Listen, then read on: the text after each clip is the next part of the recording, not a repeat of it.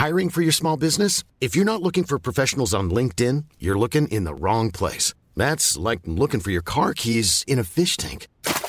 LinkedIn helps you hire professionals you can't find anywhere else, even those who aren't actively searching for a new job but might be open to the perfect role. In a given month, over 70% of LinkedIn users don't even visit other leading job sites. So start looking in the right place. With LinkedIn, you can hire professionals like a professional. Post your free job on linkedin.com slash people today.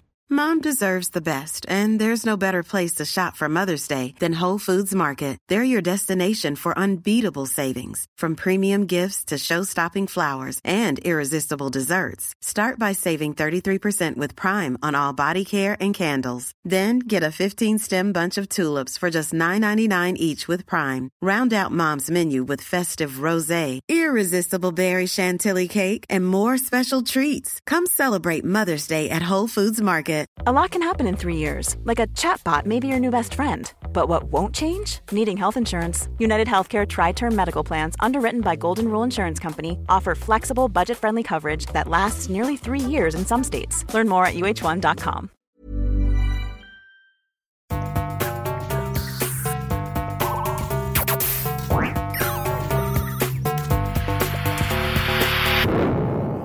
Velkommen til Sinnsyn. Jeg heter Sondre Risom Livre, er psykolog, og dette er Webpsykologens podkast. Hverdagspsykologi for fagfolk og folk flest.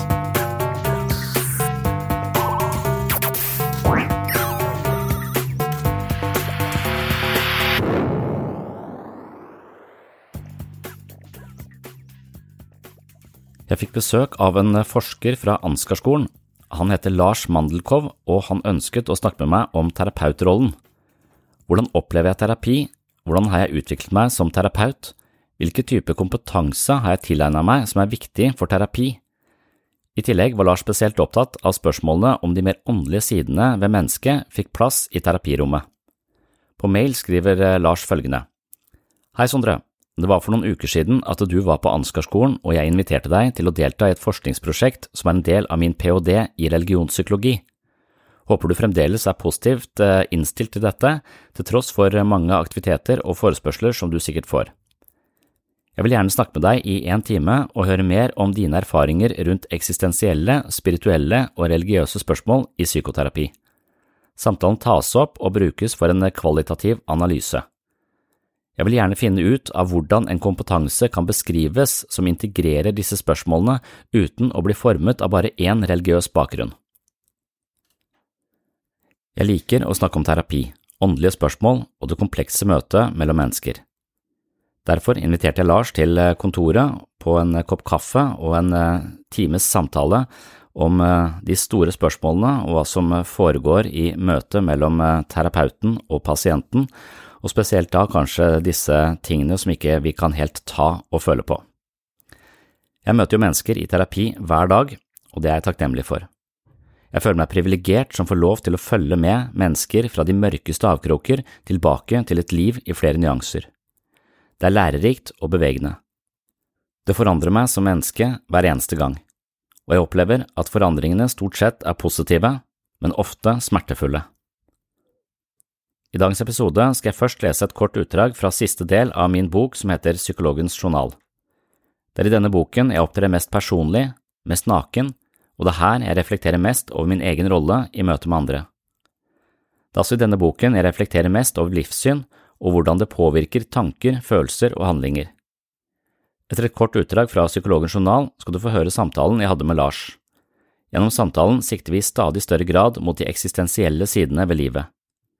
Selv har jeg en type angst som er altoppslukende. Den rammer meg som en slegge og fjerner alle farger fra livet. Den er så mørk og skrekkinnjagende at jeg er nødt til å flykte når den viser seg. Den gir meg kvalme og brekningsfornemmelser. Kanskje bør jeg bli bedre kjent med den, og det var også målet mitt med Psykologens journal. Men stadig vekk er jeg for redd, så liten og maktesløs i møte med noe så uendelig stort og svart. Dette er også en type angst som jeg har beskrevet i Psykologens journal. Det er en personlig beskrivelse, men det er ikke å forstå som en angst som på en måte hemmer meg i hverdagen.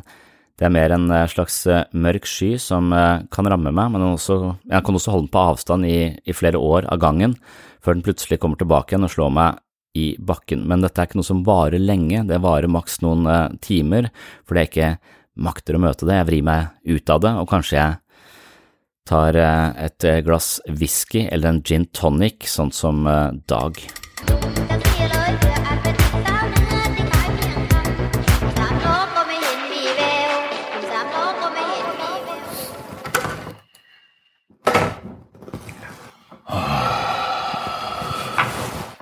Meningsløst. Alla handlingar i livet blir meningslösa så fort man mister illusionen om at man er odødelig, Dag.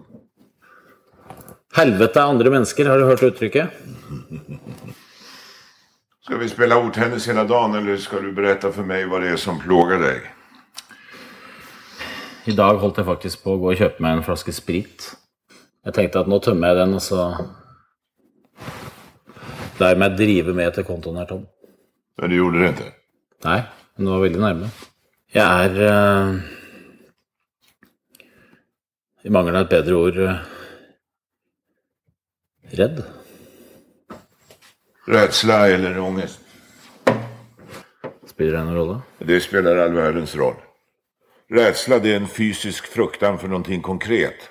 Ångest derimot er en eksistensiell følelse som omfavner hele deg. Det här att du vill ha sprit, det är ju egentligen inte att du vill ha sprit. Utan det är att du vill känna någonting annat än det du just nu känner. Och det är ingen skam i det, Dag. Några av världshistoriens klokaste människor har också haft ångest. Och bra är det. I en tid där alla käkar lyckopiller så fort livet far lite illa med dem. I en sån tid så lär ju ingen känna sig själv. Utan att känna avgrunden så blir man precis en sån som livsstilsbilagorna predikar om. Och tror att man blir lycklig bara för att man köper en ny bil. Eller skaffar sig ett rustikt bord som är gjort av drivved. Så det du sier her på visdommens pidestall, er at jeg burde være glad fordi jeg har det helt jævlig? Nej, nej, nej, nej. Det jag säger det är att du har eländet nu. Men att du väljer att känna efter hur det är, det gör att du växer som människa. Från det ögonblicket vi kastas ut i den här världen så är vi ansvariga för allt det vi gör. Och bara tänka den tanken, det kan ju få vem som helst ner på knä. Ångest, det är någonting som kommer tack vare den oändliga friheten vi har av att göra val, att välja livsväg, riktning, varje val du gör kan presumtivt förändra ditt och andra människors liv. Så jag tror att när du får ångest så handlar det mer om när du värderar om du ska välja någonting som du egentligen känner är fel. Eller när du rätt och slätt inte vet vad du ska göra eller vad du ska känna. Och så undviker du att göra det valet genom att välja en gammal känd utväg. I ditt fall sprit. Men om du undviker valen så blir ångesten bara större dag. Att dricka sprit, det blir bara att skjuta valen framför sig. Nå gjetter jeg bare helt vilt her, men uh, dette har du tenkt litt på. Tillräckligt.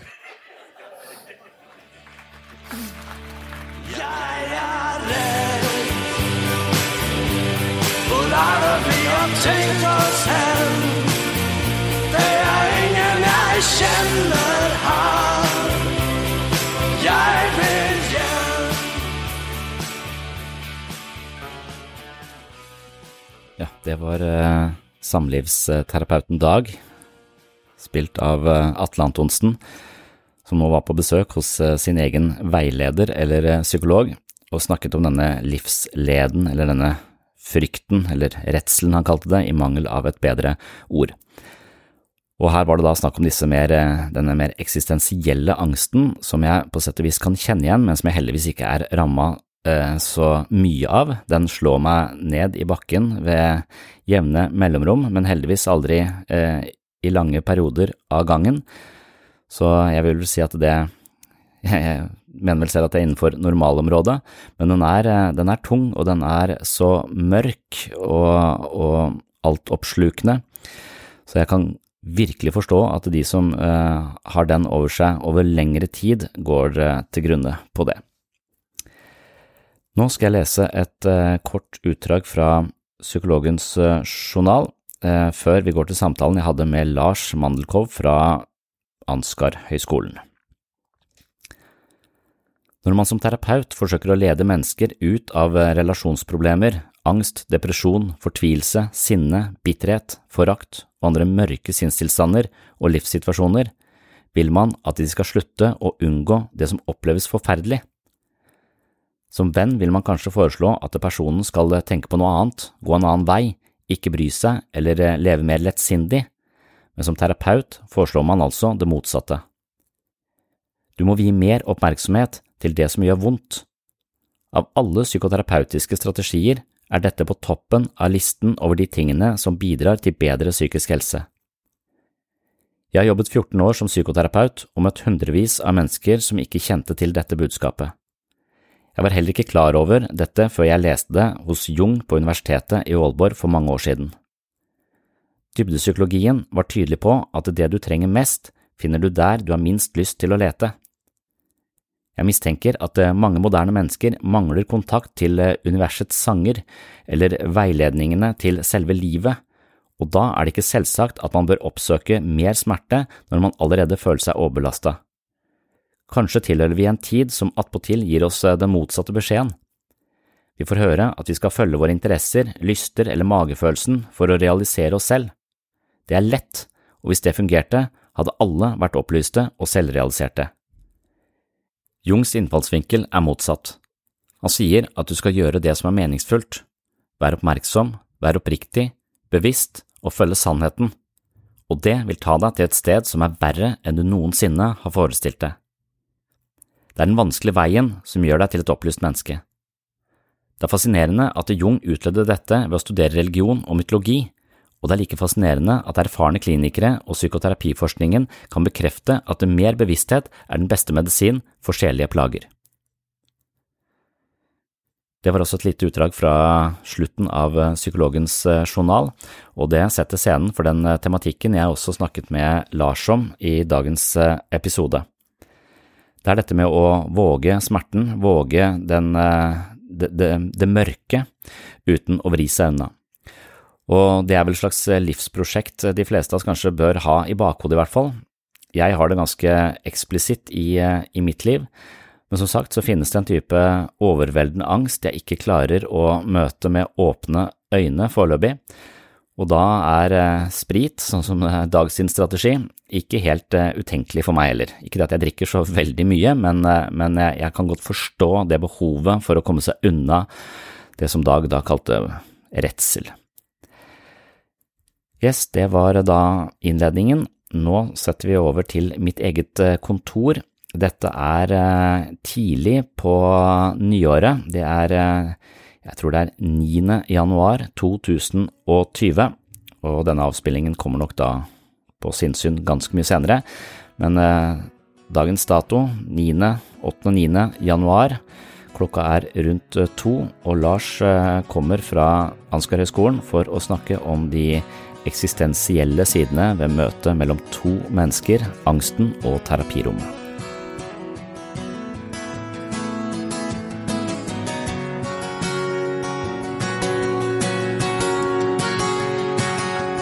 Da du ellers syns at livet er så kjedelig og trygt, skammer du deg nå. Fullstendig oppslukt av frykt. Fullstendig oppslukt av frykt.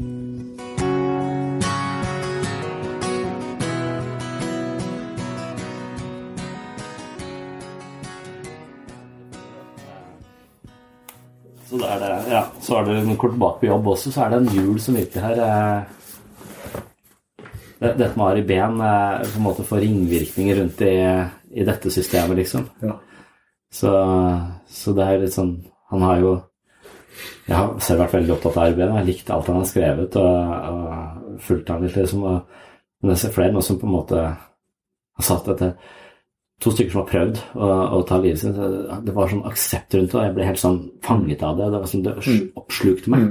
Eh, og den aksepten han følte Ari, Ari fikk for å ta livet sitt, det, har liksom, det virket som det åpnet en slags mulighet eh, for noen. At det, det er litt sånn fare med hvordan man dekker selvmord, da, og som det blir litt sånn glorifisert, eller litt sånn noe som ansporer folk til å Eller inspirerer, nesten. Ja. Så det har jo vært litt skriverier om det også, om hvordan media dekker dette. Så, ja.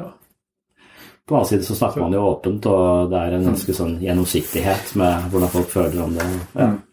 ja. Ok. Men det er ikke akkurat den effekten du hadde forventa av ferie? Eh, nei, nei, men ut, i utgangspunktet så er ikke ferie ferie for meg. altså. For at eh, Med tre barn så, så føler jeg at eh, ferie er litt det motsatte av ferie. Så nå er jeg endelig tilbake og kan senke skuldrene liksom, tilbake på jobb og få kontroll. Og, ja. Hvor gamle er barna dine? Eh, Tre, syv og ti. Mm. Så det er, det er veldig gøy, men det er Ja. eh, ganske eh, anstrengende å være i Lolo og Børneland i, i 14 dager. Ja. Ja, jeg husker det. ja, Vi har fire barn, men Ja. yngste er tolv nå. Altså, Ja. det, det er lenge siden at de var så små. ja, ja, Det, det er en forskjell, det. ja. Nå er det ferie, nå er det ferie. ja, ikke sant? Ja, Du kan glede deg til det. ja. For at eh, hun minste på trekk, sånn sant? hun må jo hele tiden Der er Ja, vannet, ja. nå det, nå det. Ja, ikke så, sant? ja. Ja, ja. Mm. Altså, før vi begynner med å snakke om spiritualitet og terapi og disse ting, um, kan du bare fortelle litt om eh, din jobb, hva du gjør, hva du holder på med eh, her Ja. som psykolog? Eh, Det er, det er type teamleder på en gruppeterapeutisk poliklinikk Ja. som er dette. Så Poliklinikken er oppe i antasje, og så er dette her gruppeavdelingen. Mhm. Så her er vi bare jeg som er psykolog, så er vi to uh, psykiatriske sykepleiere, så er en ergoterapeut og en håndverker, faktisk. Mhm. Eh, så veldig tverrfaglig. Mhm. Veldig Ja, jeg, helt siden jeg starta som psykolog for 14-15 år siden, så har jeg begynte da å interessere meg for grupper med en gang. Og så gikk jeg på IGA, som Institutt for gruppeanalyse, og så har jeg holdt på med grupper siden. Så Mhm. det er jo så kanskje litt fordi at jeg er eh, nok som terapeut lettere for meg å utfordre mennesker enn å være veldig sånn ivaretagende og støttende. Ja. Så den funksjonen ivaretas veldig godt av mine kollegaer, på en måte. De er veldig varme og støttende. Og så kloke terapeuter, men de har andre kvaliteter, så vi utfyller hverandre på det området. Så Ja.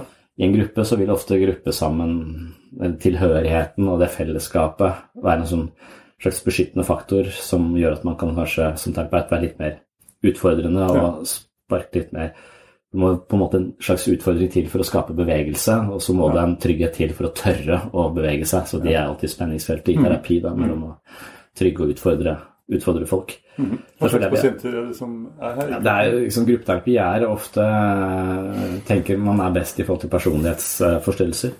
Så ofte er det en eller annen sånn personlighetsproblematikk eller relasjonelle problemer. da. De fleste psykiske lidelser har en slags relasjonell komponent. Det er ofte i møte med andre mennesker at de vanskelige følelsene oppstår og konfliktene oppstår. Så, så de som kommer hit, eh, blir ofte henvist fra poliklinikken, noen ganger direkte fra, fra fastlegen. Men um, ofte så har man sett opp at, eh, at de, man tenker at de har en eller annen sånn tydelig relasjonell komponent i, i, i problemkomplekset som gjør at de kan tenke at det er gruppeterapi. Ja. Gruppeterapi er jo mer eh, Hvis du tør det Det er ikke så populært, for det, det høres skummelt ut. Men, eh, men hvis du virkelig tør det, så får du på en måte åtte terapeuter istedenfor én. Ja. For det, for det å Terapi handler jo egentlig om å se sider ved seg selv man ikke har sett før. altså Veldig mye er jo ubevisste ting og mønster man går i og gjentar fordi man nettopp ikke ser det. Men hvis man ser det, så er det mulig å unngå de fellene. Og en terapeut kan jo ha et slags utenforstående blikk på det. Mens i en gruppe så har du åtte andre eh, og pluss to terapeuter, så du har nesten ti blikk på, på det som foregår. Da får du ofte et mye større bilde. Så gruppeterapi handler ikke så mye om å fortelle hva som har skjedd med meg tidligere i livet mitt. Det, vi trenger å vite litt om det som en slags sånn kontekst på hvem denne personen er, for å forstå reaksjonene i nåtid. Så, men det er mye mer at vi fungerer som speil for hverandre. eh, Hvor vi Reagerer direkte på det som skjer?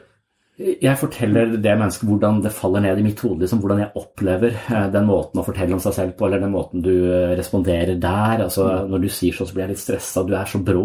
Så jeg kan tenke at folk rygger litt når de ser deg. Eller eh, når du sier det, så er det som du legger så høye krav. altså Jeg tror du har veldig strenge krav til deg selv, og det skaper en slags prestasjonsangst i gruppa. her. Får, vi får en følelse av ikke være gode nok, eller, eh, eller eh, ja, så det, vi, vi speiler veldig oppriktig hvordan vi opplever den andre. Vel vitende om at vi ikke har noen sannheter om noe som helst, men vi har opplevelser, så den personen kan da på en måte få en større forståelse av hvordan den havner ned hos andre. Og det kan øke det man kaller mentaliseringsevne. Som, eh, og høy mentaliseringsevne korrelerer ofte med gode relasjoner og god psykisk helse. Da. Så det er eh, ja. Det høres ut som om du liker hva du gjør. Mm. Du ble utdanna psykolog i Oslo, eller? Nei, i, i Danmark. I Danmark, Ja. I um, I Aalborg. mm. Var ferdig der i 2005. Så jeg kom hit i, i sommeren 2005. Ja. Mm. Og så ble du godkjent her som i, norsk, i det norske helsevesen. Ja, da fikk man to år på lisens, og så øh, og, og så ble man autorisert, ja. Så spesialiserte jeg til det. Ja, I ok. klinisk voksenpsykologi. Som jeg er spesialist i. Mm. Um, altså mitt interessefelt handler jo om skjæringsfeltet mellom spiritualitet og uh, terapi. Ja. Og for å kunne snakke om det, um, vil jeg gjerne høre hva du egentlig forstår. eh, hva, hvordan du definerer religion, spiritualitet, disse, disse ord. ja. Helt sånn spontant. Ja.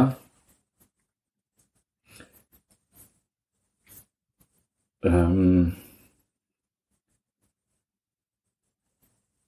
ja, hvordan jeg definerer det, det som, altså, te- Terapi ser jeg på som en samtale man ikke lyver, en slags speiling av hverandre.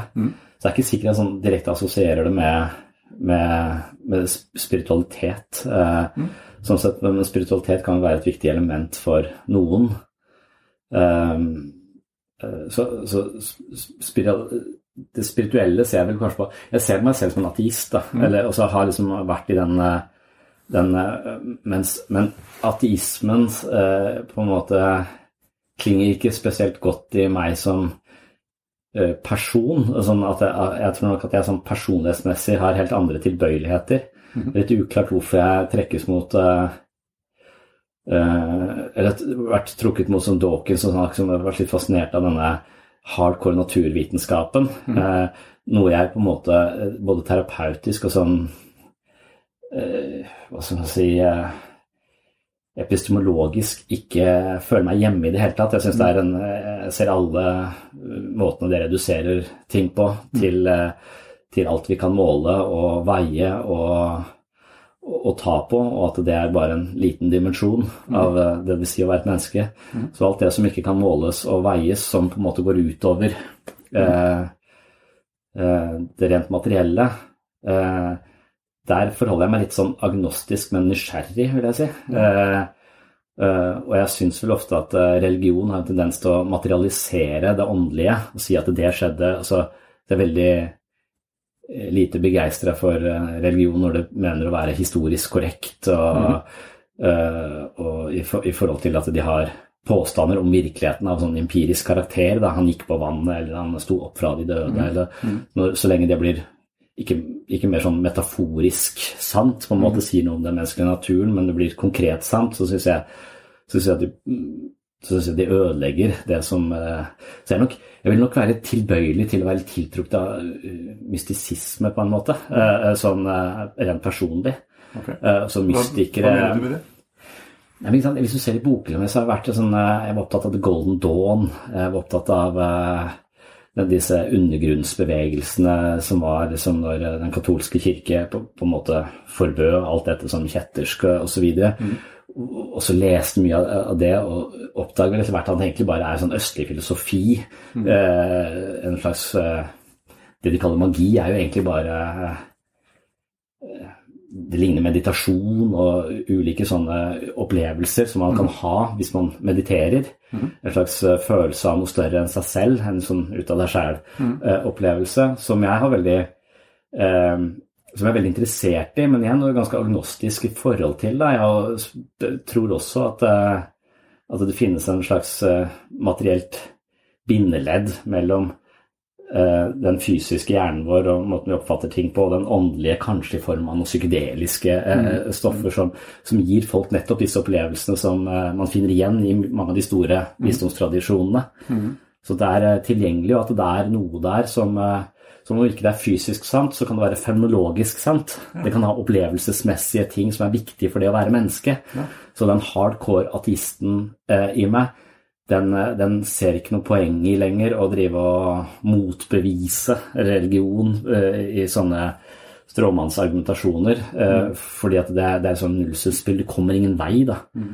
Eh, så, så, jeg, så, jeg, vil heller prøve å ivareta det, se om det eh, på en måte dykker ned i på nye måter. Ja. Eh, være interessert i de store visdomstradisjonene som, som fenomenologisk sant, da, og som skjuler en eller annen type urmenneskelig visdom som vi kan lære noe av, og som kanskje kan binde oss sammen. Ja.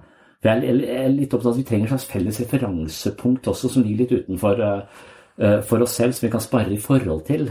Hvis ikke så blir det bare Netflix og, og Google og sånn som vi får Verdigrunnlaget vår blir liksom ikke Det kommer an på hva slags forslag du får til neste film, på en måte. Altså, hvor, hvor henter vi altså, Forstår jeg det riktig at hvis du hører ordet religion, da tenker du på sånne institusjoner som prøver å fastslå sannheter og egentlig på en litt tørr måte, og da da er det negative følelser. Mens men du hører spiritualitet eller mystisisme eller visdomstradisjoner, da blir, blir, du litt sånn positivt nysgjerrig. Egentlig ikke helt, for jeg vil si at det, eh, jeg ville ikke Jeg ville ikke Jeg syns at vi bør bygge videre på de tradisjonene vi har, da. Så jeg sa at kristendom er en fin ting. Ja. Jeg syns bare at den er eh, barnslig. Eh, men den har et potensial for det finnes veldig mange kristne representanter som ikke er barnslige, og, som, og det finnes mange også eh, Så, så det, finnes en, et stort potensial men så lenge disse frikirkelige menighetene gjør det til et banalt prosjekt med B så og så mange ganger, at hver gang du mm. løper en slags objektspill i disse regionene, ja. så, så, blir det, så ødelegger det, og det mister, eh, mister tilhengere, tror jeg. Så jeg, jeg, tror det har et stort potensial.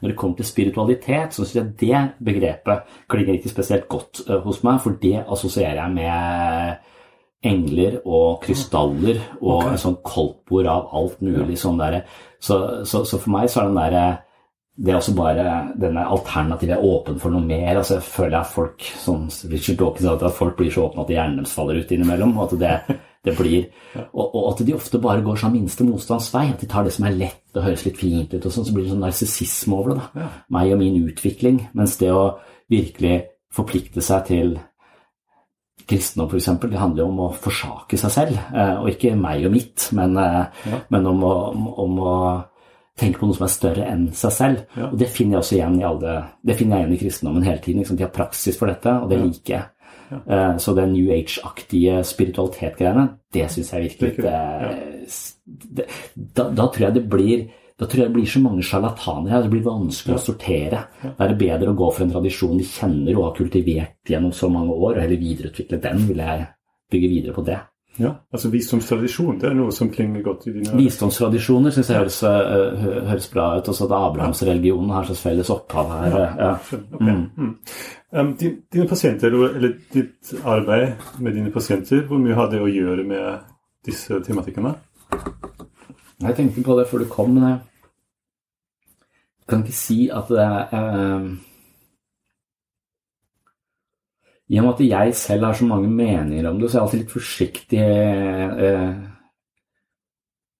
jeg tror nok jeg nesten spør alle på en eller annen måte om, eh, om det, for at jeg tenker, i og med at jeg har vært så opptatt av det selv, at det har en slags eh, innvirkning på hvordan mennesker ser på livet, hvordan de ser på meningen med livet, hvordan de ser på Ja det, det, livssyn spiller en rolle, mm. også i dette, det de eventuelt sliter med. Mm. Eh, men jeg vil si at det er mest uttalt altså Det blir mest snakk om religion i forhold til de som ikke tror. Okay. Eh, I, i, for jeg opplever mest den derre Det er jeg i hvert fall mest forsiktig med, for at jeg opplever at hvis folk er skada av religion, så blir det ofte et tema. Ok, Og det opplever du også i disse gruppene? Ja, jeg opplever at de, de mest høyrøsta er de som er eh, motstandere av religion. Ja. De er de som tematiserer religion mest. Ok, Eh, mens de som eh, har eh, kristendom eller en, annen, en eller annen sånn annen livs... Et eller annet annet perspektiv som de på en måte er forankra i. Det er ikke alltid de flagger det så mye, eller presenterer det så mye. Kanskje fordi at de ateistene er litt høyrøsta. At det nesten at de, at de skjuler det litt, som om de ikke vil ta det fram, for det er noe de Hvis de har det på en god måte, så eier de det litt, og de trenger ikke egentlig Ja. også snakke Jeg hadde f.eks. en som det tok lang tid før jeg visste at hun var eh, Jehovas vitne. Mhm. Og, og hun hadde ikke noe negativt med det. Det var, liksom, det, det var bærebjelken i livet hennes. Det var alt det andre her som var problematisk. og godt det relaterer seg til at hun har vokst opp litt sånn isolert, på en måte. Mangler noen ferdigheter for å håndtere alt det som ligger utenfor. Men så, så, så, så, når hun får det på stell på en måte og klarer å lære seg det og, og, og, og utvikler seg på den måten, så, så har hun dette. Og, og det røres ikke ved, og hun nevner det veldig sjelden. Ja. Det hender hun tar til orde for det når hun mener det kommer en sånn, det er sånn massiv kritikk. Men, men nettopp for å unngå den kritikken og det fokuset, så tror jeg hun bare lar det være, liksom. Ja. Eh, for at det er noe hun har som er fint, og det, det trenger ikke å tematiseres, for hun skal jobbe med de ting som er vanskelig, vanskelig Ja. her. ok. Altså, du, du opplever um, pasienter som har det som litt hemmelig ressurs, Mm. Mm. Ja. Men andre også som blir skada av det. Har du et eksempel på det? Ja, ikke ja, type avhoppere av eh, Her på Sørlandet så er det mest samfunnet. At det er en del eh, eh, Noen, også noen fra Jehovas vitner. Det kommer fra tid til annen alltid noen sånne avhoppere som har mista ikke, både- ikke bare livssynet sitt, men også relasjoner og, og fundament i livet. Så at de faller litt fritt. Og de opplever jeg som spesielle mennesker. De er ofte ganske intelligente. Eh, og, men, men som om de noen, noen har vært sånn nesten sånn ulvebarnaktige. Eh, at, at du, eh, du Det er utrolig interessant å bli kjent med dem, for det er liksom de, ikke, de har ikke den eh, samme Det er som om de kommer fra en annen planet. Eh, når moren kom, så måtte hun gjemme noen filmer hun hadde under senga. tenkte jeg pornofilmer. Nei, det var thrillere, for det var ikke lov. ikke? Det er så masse sånne, og, så, så, og det er som om de har en samspillsform som funker i den setting de har vært i, men så står de litt på bar bakke når det gjelder den, den måten resten av samfunnet danser sammen på, som de ikke kan helt den takten eller den tonen, eller klarer å spille opp til dans på en sånn måte at de får gode relasjoner. Så den relasjonelle dansen den blir, den blir, det blir vanskelig for dem, og de blir ensomme og, og isolerte, og da ofte deprimerte og, og, og angst. eller, Ja. Så, så det, det er en type, type problematikk. Og noen av de kan være fiendtlig innstilt til religion ikke sant? generelt, fordi de opplever så mye eh, Vondt. Mm. vondt på en måte, spesielt eh, de som er litt eldre, på min alder, 40, som jeg er. Så, som, eh, flere av de har eh, opplevd en type, vil jeg si, ganske mye vold i skolesammenheng, blant annet, fra lærere. Det kan godt hende at det har skjedd i sekulære skoler også, at det bare var vanlig på den tiden, på en måte. Men det de henger litt etter i disse, noen av disse litt mer lukkede menighetene. Føler du at din studie, dine studier, altså eh, din utdanning som psykolog, har forberedt deg for å håndtere disse religiøse, spirituelle spørsmål på godt og vondt i terapien? Eh, nei, egentlig ikke. Uh, jeg syns ikke det har vært mye fokus på det. Det tror jeg er en egeninteresse jeg har hatt sånn i, eh, senere. Oh, ja. Men noen som mener det finnes en, en slags spirituell religiøs personlighet. Jeg tror kanskje jeg har det. På at jeg havnet på ateismesiden, liksom. Ja. Og at jeg tiltrekkes Hva slags personlighet er det? Jeg vet ikke. altså Jeg husker ikke hva jeg leste. Men, men jeg tenker at han, en av de pastorene jeg diskuterer mest med, han ligner meg nok på mange måter, bare at vi er på hver vår side. Men det er et eller annet sånn fellestrekk for oss da, likevel. Ja, Uh, bare at vi konkluderer uh, forskjellig, med at vi tiltrekkes. Og selv om jeg på en måte har, vært motstander av mye av denne religiøse virksomheten fordi jeg mener at det, kanskje summa summarum så er skadeeffektene større enn eh, helsegevinstene. Det er jeg usikker på nå, men jeg var liksom, mente at det hele tiden så tror jeg likevel det finnes en den. Men, eh, men kanskje Jung har, eh, har vært en sånn eh, person som, eh, som jeg har vært veldig opptatt av og lest mye av, og som har disse metafysiske tendensene og tilbøyelighetene. Mm. så hvor, hvor han da ryker uklar med Freud, som ville være mer uh, Selv om han ikke ville være naturvitenskapelig orientert, så, så mente han at det Ja, han var mer forankra i, i virkeligheten, mens Jung tenkte at det finnes jo en eller annen type Noe som går over det rent materielle. Ja. Så det, du utviklet disse evner å håndtere det etterpå, etter hvert, ved å lese eller diskutere med kolleger eller prester? Ja, jeg tror jeg har lært mye om religion ved å diskutere med, med prester og pastorer og sånn. Jeg tror fortsatt jeg kan forsvinne lite om det. Eh, til å, og spesielt eh, når du kommer utenfor kristendom, så, så syns jeg jeg vet altfor lite. Så, så min kunnskap om religion er for, eh, er for eh, tynn til å kunne men, men jeg ser hvis folk har det som en, eh, har det som en sånn slags hemmelig ressurs, som du kalte det, så, så syns jeg det er noe flott ved det. Det ser jeg på som en beskyttende faktor. Ja. Og hvordan har du um, Har dette påvirket arbeidet ditt med disse pasienter? Har du forandret det i løpet av uh, arbeidstiden? Altså I løpet av ditt uh, arbeidsliv, har du forandret måten å, å um, møte pasientene på? Ja, Hvordan da? jeg vet ikke, den Jeg går litt sånn i bølger, for jeg leser Hvis du leser mye kognitiv terapi, så kan du bli litt sånn streng. Eh, sånn og sånn, du tenker sånn og sånn, det er feil, det er rett. Altså, det, det blir litt sånn eh, Mens hvis du leser eh, andre mer sånne humanistiske filosofier, så, som, så, så, så blir du litt mer åpen og undersøkende. Litt sånn mer sokratisk eh, eh, anlagt. Så jeg eh, skifter litt i de, mens, mens denne jeg, jeg lurer på om hele, hele, eh, hele samfunnet vårt er har en slags sånn dreining mot det naturvitenskapelige, og at det er eh, på en måte satt på en pidestall og sett på som det, det som er mest verdifullt. Mm. og den standarden vi bør leve etter. Og jeg tror det, det er også den medisinske modellen sykehuset hører jo til, vil jo forankre seg i den empirien, i den sansen, i det faktiske, som vi kan måle og veie. Eh, og så tror jeg det er en misforståelse at det psykisk helse ligger mm. i, i, innunder eh, somatikken, på en måte, eller i samme sykehus. for at det, det, det er ikke som jeg føler at hele systemet vårt legger opp til at vi skal evidensbasere ting, vi skal måle, veie, hva fungerer, hva fungerer ikke, hvor, hvor deprimert er du på en skala fra 1 til 10, vi skal kvantifisere ting. Og hver gang du gjør det, så bare plukker du det fra hverandre, og, og du går glipp av alt. på en måte, Så, så jeg er en ekstrem motstander av pakkeforløp, og, og, og jeg liker ikke å utrede, jeg liker ikke å stille folk 600 standardiserte eh, spørsmål, for jeg mener at det, Møte med et annet menneske er, er noe Det kan ikke Med en gang jeg stiller 600 standardiserte spørsmål, så blir jeg en robot. Eh, Og jeg hater å snakke med roboter selv. Altså, eh, når jeg akkurat var på, eh, på Tenerife nå, så er det en sånn gledesspreder som er ansatt der. Og hun bare skal, sier hyggelige ting. Sier 'Å, så fin jakke du har'. Hun sier bare ting som hun har lært på kurs å si. Ja. Og det blir ikke et møte med et annet menneske. Det blir bare en sånn der plastikksamtale som bare skaper avstand og irritasjon. Og føler du, du tror du lurer meg til å bli glad nå, for du er en gledesspreder. Du har lært på kurs hva du skal si til meg. Det, det, det, jeg føler bare at avstanden til deg er så stor at jeg vet ikke om du Er, det en av-knapp på deg, på en måte? For, for du, du irriterer meg.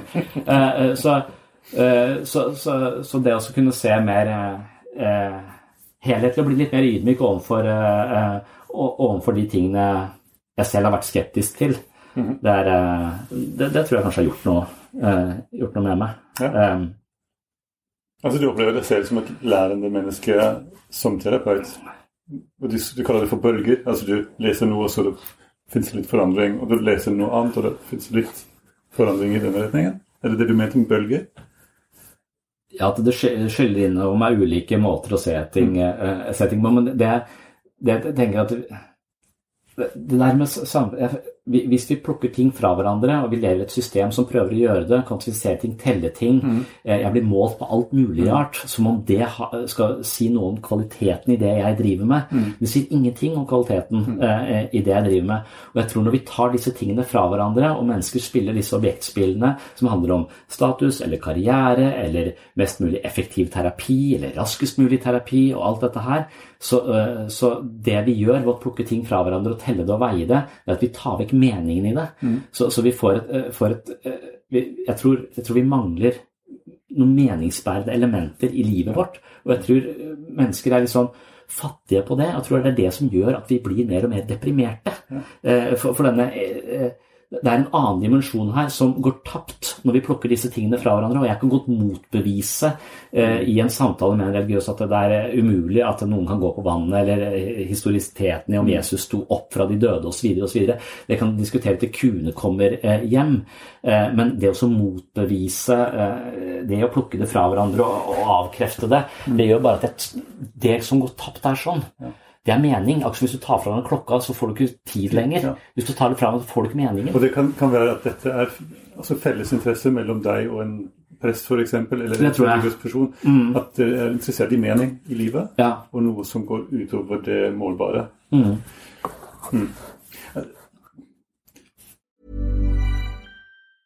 Cool fact a crocodile can't stick out its tongue. Also, you can get health insurance for a month or just under a year in some states. United Healthcare short term insurance plans, underwritten by Golden Rule Insurance Company, offer flexible, budget friendly coverage for you. Learn more at uh1.com. Normally, being a little extra can be a bit much, but when it comes to healthcare, it pays to be extra. And United Healthcare makes it easy with Health Protector Guard fixed indemnity insurance plans. Underwritten by Golden Rule Insurance Company, they supplement your primary plan, helping you manage out of pocket costs without the usual requirements and restrictions like deductibles and enrollment periods. So when it comes to covering your medical bills, you can feel good about being a little extra. Visit uh1.com to find the Health Protector Guard plan for you. I'm Sandra, and I'm just the professional your small business was looking for. But you didn't hire me because you didn't use LinkedIn jobs. LinkedIn has professionals you can't find anywhere else, including those who aren't actively looking for a new job but might be open to the perfect role, like me. In a given month, over 70% of LinkedIn users don't visit other leading job sites. So if you're not looking on LinkedIn, you'll miss out on great candidates like Sandra. Start hiring professionals like a professional. Post your free job on linkedin.com/people today. Hva med ditt, din egen tilnærming til ditt arbeid som terapeut? Altså du som person, som terapeut, hadde det noe å gjøre med det som du kaller for visdomstradisjoner? Um, altså kommer du hit som et menneske, jeg vet ikke, et søkende menneske, eller et uh, som er interessert i visdomstradisjoner? Ja. ja. Hvordan da? Hvordan er denne forbindelsen? Um, nei, jeg vet ikke. Jeg har en kollega som er så opptatt av Meyer-Briggs uh, personlighetstester, og, og han mener det som uh, en, av mine hovedfunksjoner, da, eller som, som er min sånn primær operasjonsmodus, er nok intuitiv, eh, som står i motsetning til det sansende. Og det sansende er det empiriske, det som, at jeg forholder meg til det som jeg kan ta og vite og føle på og måle og ikke måle, mens, mens jeg har veldig lite Derfor er jeg en forsker. Jeg liker å se de store linjene, jeg liker å tenke tanker. Jeg er ikke så opptatt med en gang det kommer noen uh, som, som snakker med meg og er opptatt av helt konkrete ting, så kjeder jeg meg ganske raskt. Altså, mens hvis, og, og vedkommende vil sikkert tenke at nå skal han begynne å snakke om det og det, altså ting som ikke eksisterer engang. Bare konsepter. Det er bare luftige uh, ideer. Det er vitsen med å tenke på det. Så jeg tror nok jeg er sånn, ganske sånn at jeg, intuisjon så når jeg, når jeg startet å skrive en psykologisk journal, som er et møte med religion, så, så åpner jeg med å bare beskrive det første møtet jeg hadde med en annen psykolog her i byen, på en sånn eh, psykologfest for å bli kjent med folk. Så tok han meg i hånda, og så, og så var han var en spesiell type, så tok han ganske hardt, og så holdt, slapp han ikke hånda. Og så sa jeg hva jeg het, så han hva han het, og så spurte han i neste da, etter jeg hadde sagt hva jeg het, så sa han hva gjør deg lykkelig?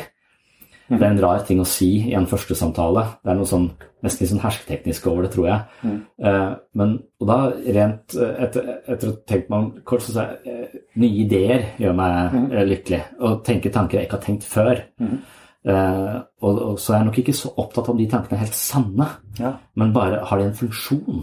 Eh, eller, eller ikke har de en funksjon, hvordan påvirker de meg? Hvis jeg tenker på denne måten, f.eks. med fri vilje. Hvis jeg tenker at jeg ikke har fri vilje, hva, eh, hva slags påvirkning vil det få? Vil jeg slutte å ta ansvar for ting? Og i så fall, hva vil det? Altså, En tanke kan faktisk endre atferden min. Så selv om det er abstrakt og ikke eksisterer per se, så vil det likevel materialisere seg i meg. Hvis jeg tenker at jeg er mislykka, eh, så vil det også materialisere seg i livet mitt, for jeg vil ofte da unngå nye utfordringer og bli mislykka. Hvis jeg tenker at det, er en større mening med det, så vil det kanskje være et, eh, en idé jeg kan hvile i, og som kan gi meg ganske mye.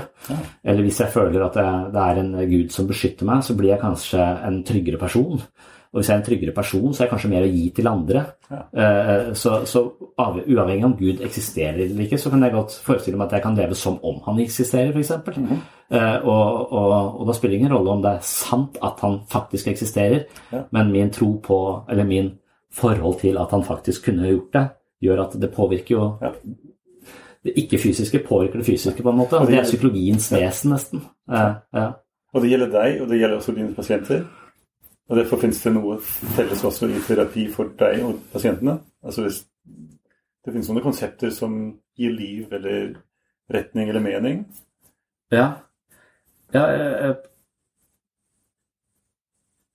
ja absolutt. Altså, det å møte, eh, møte mennesker som, eh, som er litt på kanten av livet, det er øh, um, det, det er øh, fascinerende det er, jeg, jeg liker det godt. Jeg, jeg, jeg syns øh, noen vil jo kanskje slå, tenke at jeg ikke er så, øh, sånn veldig omsorgsfull, eller sånn Jeg snakket med en på morgenen i dag som jo har prøvd å ta livet sitt, og, og, um, jeg, jeg blir litt rørt av det. Han, han lever fortsatt. Han har mange tanker jeg ikke har tenkt om, eh, om selvmordet. Uh, han, han berører meg, han setter et slags spor i meg. Mm. jeg kommer til å ha han med meg kanskje resten av livet. Altså, uh, Noen mennesker har jeg med meg liksom resten av livet. De setter spor i meg. så Selv om det er på en negativ måte, så kjente jeg et slags- slags nærhet til det. Jeg følte veldig for dette mennesket nå, som jeg egentlig har hatt litt konflikt med. Og er det løste seg litt den konflikten i dette selvmordsforsøket.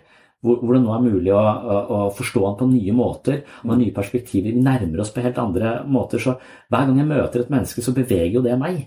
Så jeg forandrer meg jo hver gang altså, Jeg kan ikke forstå et annet menneske uten at det mennesket forandrer seg i kraft av min forståelse av det. Og det motsatte. Når de forstår meg, eller prøver å forstå meg, så vil jeg også forandre meg. Så det er denne, he, he- hele tiden denne, denne vekselvirkningen mellom to mennesker som fascinerer meg. Jeg føler, Og hvis du har en god kultur rundt dette, så kan vi bevege oss i veldig gode retninger begge to. Så, så hvis jeg blir et litt bedre menneske av møte med en annen, så tror jeg det også blir et litt bedre menneske. Og det blir også jobben din enda mer meningsfull. veldig meningsfull, for noen ganger blir jeg et dårligere menneske av av å møte andre.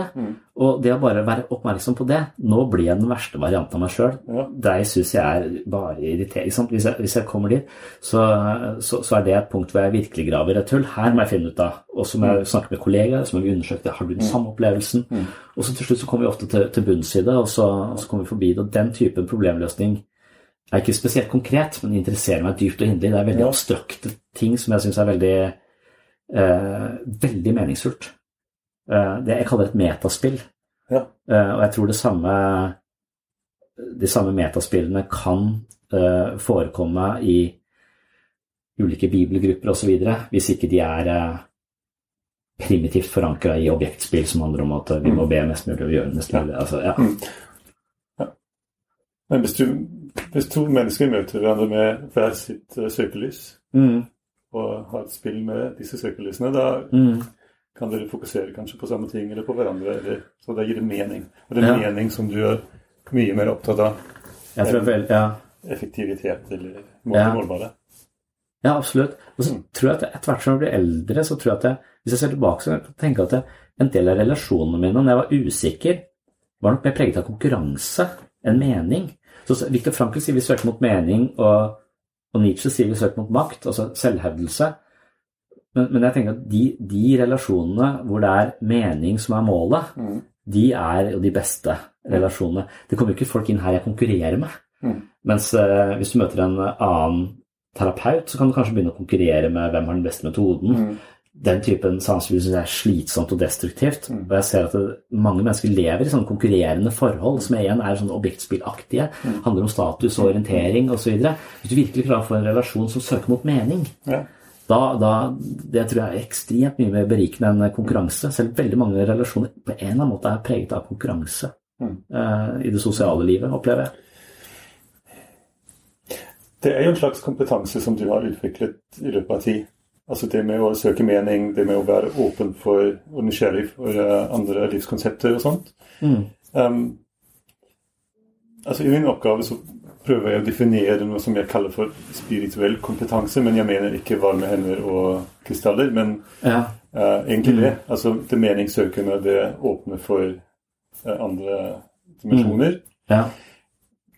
Hvis det, finnes, hvis det fantes altså en uh, kompetanse for psykoterapeuter som heter meningskompetanse eller spirituell kompetanse, hva innebærer det etter din mening?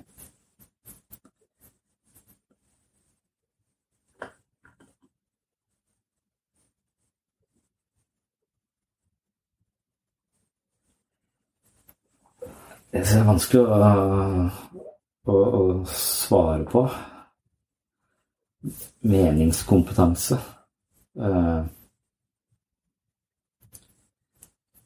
altså min hovedmantra er at alt du tenker og føler er feil. Og så sier jeg hvis alt jeg tenker og føler er feil, hvem er jeg da? Og jeg kan ikke skjønne at det er noe problem. Uh, jeg blir matt av eh, religion når den har svar. Eh, Når den gir meg konkrete svar, da er vi ferdig snakka. Det fantes, det skjedde, det må vi gjøre, det fører dit. Altså, det, det, da er det jo Da har jeg lest boka ferdig, det er ikke noe mer. Altså, jeg, jeg liker ikke den typen lukka eh, lukka systemer. Eh, og når mennesker kommer hit, så er de ofte lukka og fastlåste. Og de ønsker bare en diagnose, de ønsker bare en forståelse. De ønsker gjerne da bare en medisin også, som tar vekk. Eh, så så, så det, det er veldig mange som ønsker å gå i den sansende retningen og empiriske. Jeg vil ha en forklaring på hvorfor jeg er sånn, og når du har fått forklaring, så vil jeg ha en medisin som gjør at jeg ikke er sånn lenger. Det er jo en- del av sannheten. altså Hvis du tar noen medisiner, så vil jo kanskje nevrokjemien din forandre seg litt, sånn at opplevelsene dine blir litt mer positive. Eh, men, eh, men jeg er jo mer opptatt av eh, av hvordan disse ideene, måten man tenker på og strukturerer seg selv på, kan, kan forandre det fysiske også. Så det, det metafysiske Men det, men det krever jo mot ikke sant? å holde ting åpent. Altså Ja, ting i livet, men også spørsmålet om Gud, f.eks. Å holde det åpent. ja, Det krever mot, fordi det, det kommer også med usikkerhet. ja. Er det det psykoterapeuter må lære for å ha denne kompetansen? Mot til å holde ting åpent? Ja, så er det ikke sikkert at alle altså, Vi må kanskje være liksom finfølende på hvor, hvor åpent klarer folk å holde det. Altså, noen trenger jo en forankring. Eh, noen trenger å pakkes inn. Hvis du har liksom, ingen grenser og er schizofren og flyter ut, så hjelper det å være i vann, for det samler deg, liksom. Eh, så noen ganger så må man jo jorde eh, ting. Eh, og, og det viktigste vil være å prøve å spille fotball for å, for å komme tilbake til virkeligheten. Altså, jeg har sett noen katatont schizofrene bare stå og stabbe i en eller annen sånn abstrakt tankeverden altså, som, som, som, ikke har, som har forlatt denne planeten. Og så plutselig så fikk han en ball mot seg, og så, så demper han ballen, og så spiller han tilbake igjen. Så han forsvinner. Han kommer tilbake til verden plutselig og spiller fotball. Og han var en fotballspiller. Ja. Uh, og, så, og så forsvant han tilbake igjen til planeten eh, sin. Så, så, så, jeg vet ikke å holde en åpenhet altså, Ja, jeg, jeg, jeg, tror det, jeg tror at det, denne kompetansen den ligger i prefrontal cortex, som det handler om å ikke tro at man vet hva som er rett. Men det er derfor Sokrates er liksom foregangsfiguren for eh, psykoterapi. Da, fordi at han hver gang jeg prøver å overbevise et annet menneske om at eh, min måte å se det på er riktigere enn din måte, så, så vil den andre ofte bare forsvare sin virkelighetstunnel og skape enda tjukkere vegger i den eh, ofte da lukka systemet de sitter, for at de ser ganske mørkt på seg selv og tilværelsen. Altså, de sitter i Platons hule uten øh, Og, de, de har ikke noe lommelykt, så de, de vet ikke at det finnes mer, mer rundt enn det de ser. Og for at jeg skal jeg kan si at det finnes mer der, det er, som å, det er som å prøve å overbevise en fargeblind om, eller prøve å forklare en fargeblind hva farger er. Det er som nesten umulig. Eh, så, så, så, jeg, så jeg tror at Sokrates eh, sin metode var jo bare å si eh, men, men hvordan ser det ut der borte? Og da må du liksom snu seg eller gå ut eller begynne å lyse. altså Hver gang du spør et menneske om hvordan du kom til å tenke på den måten, så begynner du å beskrive seg selv. Og da går du ut av, da må du ut for å få en litt større overblikk. Ja, hvordan jeg kommer til å tenke sånn, ja. Det, det, det krever en, en åpenhet for at det du tenker er ikke nødvendigvis sant. Jeg har begynt å tenke sånn pga. mange faktorer. Og idet du ser det, så får disse konklusjonene dine bli litt løsere. Og den tanken du har om at du er verdiløs, får kanskje et litt annet eh, For noen andre nyanser. Men av deg krever det også ydmykhet, da? Ja. Og det tror jeg er det vanskeligste for meg, for jeg er litt sånn litt rask. Eh, Så, så det å være undersøkende og nysgjerrig, og ikke tro at jeg vet noe, det tror jeg er det vanskeligste. Eh, Og det tror jeg kanskje de modne terapeutene klarer. De som har holdt på lenge. De klarer å ikke bare Ja, men det er sånn, eller Ja, men du tenker sånn. Det er veldig lett å kaste sitt eget blikk, eh, egen måte å se ting på, over på, over på andre. Av og til så kan jo det på en måte gi andre en lykt da, til å se ting på. Jeg, jeg, jeg tenker jo at det å lese bøker, filosofi, vis, forstå visdomstradisjoner, er lykter. Så hvis jeg kan forstå kristendom, så kan det fungere som en enorm lykt til mitt eget indre liv, på en måte. For det det, det er verktøy som mennesker har brukt. For, det er verktøy for tenkning. Eh, og, og, og hvis vi behandler det som det og forstår det, så kan det, det brukes. Derfor så har jeg noe som heter biblioterapi, hvor, jeg, hvor vi leser ulike måter å se ting på, se verden på, ulike filosofier, eh, og så diskuterer det i en gruppe for å prøve bare å få flest mulig perspektiver på noe. Hvor mange måter kan vi lyse på dette? Eh, Denne holdningen som du beskriver, kan det læres f.eks. som student? Ja, jeg mistenker kanskje at dette er det som de som har meditert lenge, eh, har. At det er en slags eh, eh, Hvis du stirrer lenge nok hvis, meditasjon handler om å bare hvile som en observatør til det som foregår på innsiden, så er det som om at du etter hvert skjønner at dette ego, som har masse meninger om hvem man er og er, ikke er så, så at det, Du skjønner at det ego er en, er en slags sosial konstruksjon. Du har blitt fortalt, og du er sånn, så har du tatt den ideen til deg, fordi alle har ment at du, du har vært sånn, og da har du på en måte Men nødvendigvis det er ikke nødvendigvis 100 sant. Det, repre- det reflekterer virkeligheten, men det er ikke virkeligheten 100% Så akkurat som at det, å stirre innover i seg selv, så vil du til slutt oppdage at eh, at platen i egoet ditt blir litt løsere, eh, på en måte. Så jeg tror kanskje at meditasjon Akkurat sånn som når jeg leser Yuval Noah Harari, f.eks. mm. og så tenker jeg at det å bli så klok, eller ha sånn enorm oversikt over alle mulige tanketradisjoner, og klare å veve dette sammen til en forståelig narrativ, det, det, det kan ikke jeg skjønne er mulig. Jeg er så fascinert av det. Og alle de som fascinerer meg på den måten, viser seg at de mediterer flere timer opp dagen. Eh, og det, det ser jeg som en sånn det jeg alltid tenk, Ja, mediterer han, tenker jeg hvis jeg er et eller annet så, og så, så, så, så, Som om de som om de trener sinnet sitt til åpenhet. Dessverre tar det så, så lang tid. Flere Det, det er nettopp det de gjør. Så, så jeg tror at det, Vi vet at kroppen må trenes, eh, og vi vet at du kan ta deg 50 kilo og løpe et triatlon hvis du virkelig vil. For dette kroppen, Men jeg tror kanskje at det, det mentale eh, fungerer på akkurat samme måte. Så det å ha en psykisk lidelse, det er ikke å være syk. Det er ikke som å være dårlig i benkpress. Jeg løfter bare 20 kilo. Hva skal jeg gjøre med det? Hva er diagnosen min? Du er svak i brystmusklene. Du må trene. Så kan du komme opp på 70 hvis du vil. Samme er det med, med, med hodet. Men vi har ikke nødvendigvis noe praksis for å trene eh, hodet. Jeg tror meditasjon er en av de. Introspeksjon er noe annet. Det er det psykoterapi dreier seg om. Og det er også det introspektive elementene ved religion. Så jeg tror de har ivaretatt dette. Men når vi sekulariseres og det vannes ut, så har vi ikke noe treningsstudio for de mentale kreftene våre. Ja. Kunne psykologistudiet være et slags treningsstudie? Ja, For meg tror jeg det var absolutt det. Det var det. Ja, det vil jeg si. Altså, det, var da jeg støtte på alle disse eh, nye Jeg tenkte først jeg skulle lese filosofi, og så visste jeg ikke helt hva jeg, hvor det førte til. Og så tenker jeg at eh, psykologi er kanskje tvillingen eh, på en eller annen måte. Og så,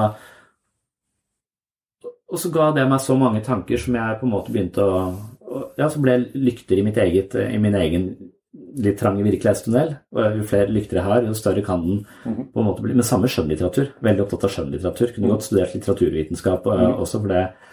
Så, så, så det er veldig masse i skjønnlitteraturen også som jeg syns virkelig klarer å beskrive det menneskelige eh, på, på en måte som gir meg gir meg et språk på det jeg ikke hadde noe som før bare var en vag fornemmelse og usikkerhet. Jeg fikk et språk gjennom litteraturen, f.eks. Det er sånn jeg tror kanskje at disse kanoniske fortellingene i, i Bibelen også kan fungere. Eh, eventyr på, på, litt på samme måte. At det, det, har en eller annen urmenneskelig innsikt. Mm. Som Joseph Campbell kaller det for universets sanger. Mm. Sunget av tusenvis av mennesker. Mm. Og om det er sant i fysisk forstand, det syns jeg ikke spiller noen rolle.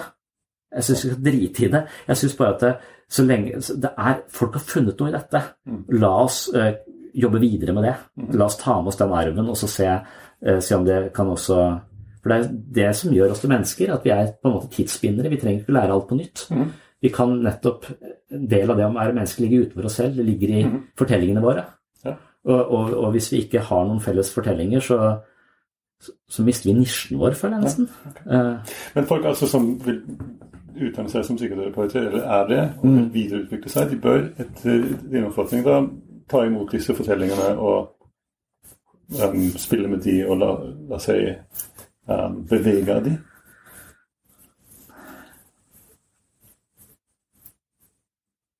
Kanskje ikke alle. Men det, det, er det du har gjort? Det er nok det jeg har gjort. Ja. Og så tenker jeg at det, det er typisk under at jeg, jeg, er ikke sånn veldig kognitivt terapeutisk anlagt. Ja. ikke sant? Jeg syns uh, det å behandle fobier uh, og eksponeringsterapi og sånn, jeg syns det er litt sånn Det blir for konkret og banalt. Mm. Uh, så, så, jeg har ikke noe sånn Men, men når jeg har kollegaer som gjør det. Det er fint at de gjør det. Det er fint at de gjør det, og de har kjempesuksess med det. Ja. Det fungerer som bare rakkeren. ikke sant? Mm. Så, så, du må ikke være nødvendigvis sånn veldig eksistensielt nysgjerrig og, og åpen for å være en god terapeut. Men da finner du ofte også en terapiform og en nisje og en måte å behandle folk på som, eh, mm. som ofte er mer evidensbasert enn min. ja. Hvordan reagerer egentlig dine kolleger på din måte å være på? Men det er typisk at jeg prater mest med de eh, som, eh, som, svinger i samme takt, liksom. Mm. Eh, og, så, og, så, har jeg også eh, hatt sånne eksperimenter hvor jeg prøver å eh, nettopp jobbe sammen med folk jeg vet tenker helt annerledes enn meg. Mm. nettopp for, av den måten at jeg tenker at det er jo noe der som de virkelig hjelper folk. Da. Det er sånn hallelujastemning noen ganger i disse mhm. OCD-gruppene hvor folk driver og er redd for bakterier og, og, og sånn. Så jeg hadde et sånt eksperiment hvor jeg og en sånn overlege her som heter Gunvor Laurnes prøvde å lage en gruppe sammen fordi vi tenkte at det, vi to er så forskjellige. Mm. Og vi ser så forskjellige på de fleste problemer og utfordringer mm. at det ville være interessant om vi var i samme, i samme gruppe. Ja, Hva var det som skjedde? Nei, jeg adopterte en del av de tingene hun, måten hun tenker på. Sånn. Det kunne jeg adoptere, det kunne jeg ta, uh, ta til meg og, og, og, bruke. Og jeg forstår det. Jeg, jeg går ikke i den eh, retningen. Og hun har kanskje fått eh, noen andre Det var bare en måte å dele perspektiv på det, på det også. Eh, så ja, jeg, tror nok det For meg så er det mye lurere det å gå på kurs og få huet sitt fullt av informasjon. Jeg tror jeg nok av informasjon inni huet mitt. Jeg må bli et bedre menneske hvis jeg skal bli en bedre terapeut. Og for meg så er det å bli en mer åpen person, en mer nysgjerrig person, og hvis jeg skal lære noe nytt, så bør jeg lære det ved å være sammen med folk som tenker annerledes enn meg, mm. ikke høre noen fortelle om en bok de har lest ja. på, på, et kurs. Det, så da, da, da, har jeg mer troa på dette også, å være sammen med i, større, i gruppeterapi sammen med terapeuter som tenker annerledes. Ja. Det, det, føler jeg er lærerikt. Ja. Um, men hvis man skulle lære det på, på studiet, så, så, så, tror jeg nok den nevrobiten som, som snakker om hjernens plastisitet og mm. hvor mange muligheter det er. Og at det rett og slett er jo Dette er jo vårt verktøy. Eh, og at vi da må være litt godt trent. Det er liksom Hvis du veier 150 kilo, så er du vel ikke en PT på Elexia, liksom. Eh, eller hvis du, hvis du, er kjempeovervektig, mm. så, så vil du miste litt kredibilitet som, eh, som personlig trener. Mm. Uh, jeg vil tenke deg litt sånn som mm. psykolog også, hvis at du er impulsiv, eh, har en alvorlig personlighetsforstyrrelse eh, mm. og er totalt rigid, mm. så vil jeg tenke at det, det er ikke sikkert det Det øker ikke tilliten til Nei, da, da, da, bør du kanskje prøve å, å, å bearbeide og, og, bli det apparatet du virkelig skal bruke, som kanskje er måten mm. å tenke på, å være undersøkende og medmenneskelig, på en måte. At det mm. er en Det å bli tryggere på seg selv vil jo frigjøre energi til å være interessert i andre. Nei. Så at det handler om å være trygg på, på seg selv, at det bør være en del Derfor er egenterapi var en del av studiet i, i Aalborg. Altså vi gikk et år i gruppeterapi mm. uh, for å bli kliniske uh, mm. psykologer. Så vi gikk i terapi selv, og så hadde vi pasienter. Og så så det, det følte jeg var viktig, å gå, å gå i terapi, selv. Var religiøsiteten eller spiritualitet tema der? Nei, da tror jeg ikke jeg tenkte så mye på det. Eh, I den eh, Jeg vet ikke når det dukket opp eh, som en sånn veldig Det, det var liksom Det har, ligget latent hele tiden, eh, tanken om det. Jeg har en slags sånn eh, I meg så har jeg en slags sånn uendelighetsangst eh, av noe slag som, som på en måte ligger eh, eh, Så det ligger altså, et eller annet lite håp eller ønske om noe mer enn eh, 74,5 år fra altså At det, er noe større eh, enn en bare det, det materielle. Et slags håp om det, og så kan du gå i vitenskapelig vei. Sånn David Chalmers mener at det, bevisstheten vår kanskje er et slags uoppdaget grunnstoff, på en måte. Så du kan få det litt sånn, litt sånn høres litt sånn akademisk ut. Så kan det også være en sjel. Eh, mens, eh, mens for, for det er nok eh, For hvis jeg rammes Jeg føler jeg er ganske harmonisk, har det veldig bra. Men hvis jeg rammes i små glimt, så er det en sånn følelse av total meningsløshet. Verden blir helt grå. Jeg blir kvalm. Jeg får nesten sånne uh, uh, ja, det, det, det, kan ramme meg hardt og intenst, og det er en slags eh, det er Gjerne jeg ligger i senga, så ser jeg opp, for da er jeg sånn eh, ta, eh, skråtak, og så ser jeg liksom rett opp i stjernene. Da får jeg en sånn følelse av å være så uendelig liten og betydningsløs. Eh, og den, uh, den angsten klarer jeg ikke å bære mer enn noen få sekunder, som jeg på en måte bare vrir meg ut av den. Ja. så, så det er vel eh, den, den veien også en slags sånn håp eh, for noe, selv om det er vanskelig for meg å konkludere. Så jeg har ikke lyst til å konkludere heller. Ja. Eh? Så, så derfor så må jeg, Det er liksom pris du betaler. For, føl- føl- altså, jo mer komplisert ting blir, jo flere muligheter har du kanskje, men også jo mer muligheter for smerte og lidelse har du også. Ja. Så uansett Det er alltid slags de Ja, det er. Altså, det er litt som om denne, denne tanken, eller uendelighetsangsten, som du sier, er litt som en forferdelig, også hemmelig skatt, som du har med deg. Altså, Ja, Det er jo noe som, ja.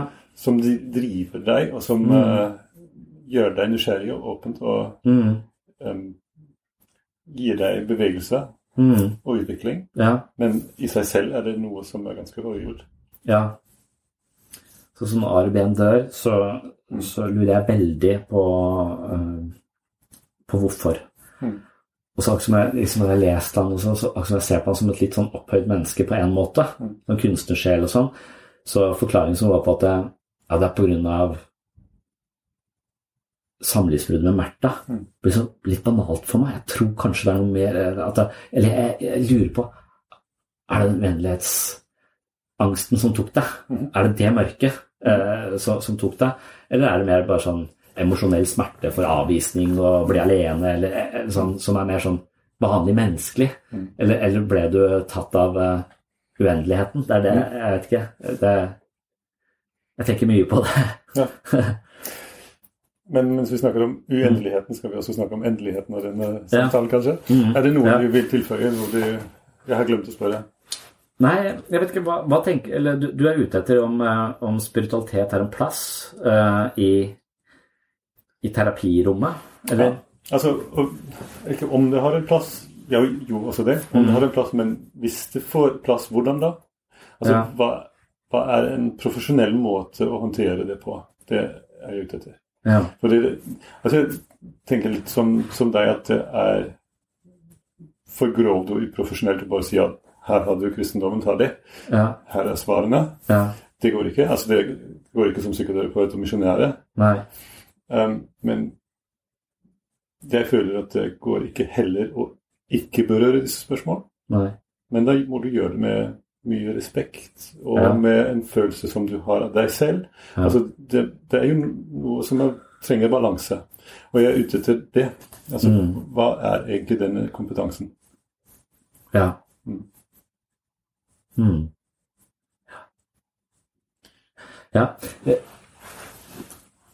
Når jeg på en måte var si, mye mer umoden i min forståelse av religion, som jeg fortsatt tenker er ganske umoden i, så, så assosierte jeg av og til eh, en del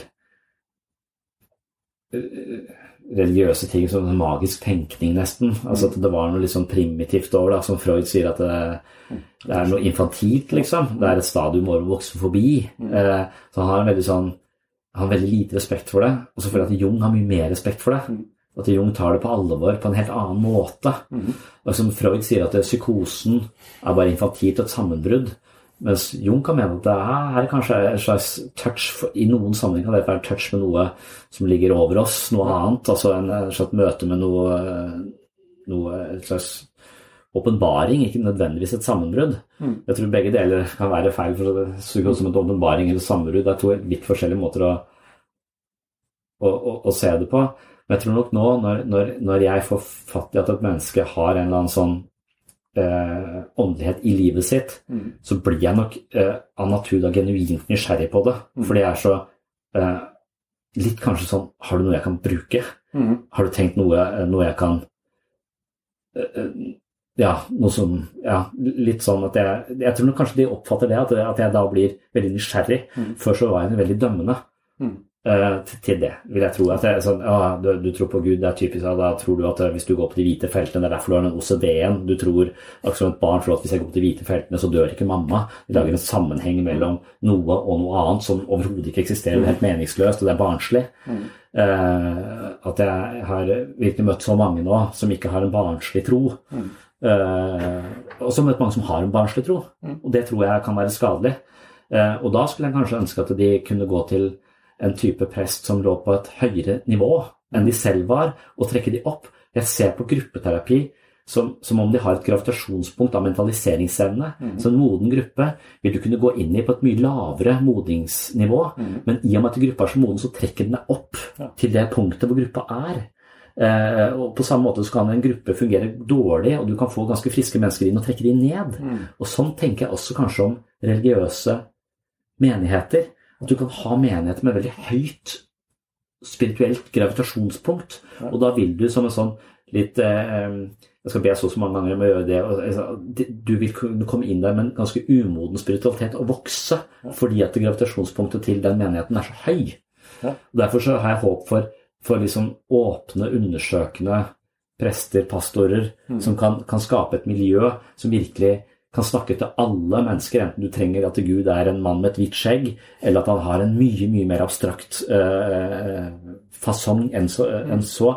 Du, men du har vært deg sjøl, for når vi var små, så hadde jeg mann med hvitt, eh, hvitt skjegg. Altså det, det, er et, det er et lag i min egen bevissthet eh, og- som jeg av og til kanskje fanges av når jeg er på mitt dårligste, eller at jeg blir veldig konkret tenkende i noen sammenhenger jeg er veldig pressa. Men, men likevel så har jeg også lag oppå det som jeg kan ty til og komme opp på og igjen. Men jeg tenker at hvis jeg da møter et menneske som har veldig sånn eh, jeg vil se primitiv forståelse av eh, spiritualitet eller religion, eh, så, så, så, så må jeg bare tenke at Eller da kjenner jeg en Ja, det hadde jeg også på jeg, eh, Der er du på et, på et, på et ganske lavt nivå. Det, det nivået kan kanskje med fordel eh, løftes, men det er det ikke sikkert jeg har kompetanse til. Men så tenker jeg litt om mennesker at vi har en slags intelligens som går på Vi har en vanlig IQ, vi har en emosjonell IQ, vi har kanskje en mellommenneskelig, en sosial IQ, vi har kanskje en kinestetisk, kroppslig eh, altså Vi har så mange ulike, og kanskje vi har en spirituell linje også, at vi har en spirituell IQ. En spirituell utviklingslinje som kan være mer eller mindre godt utvikla.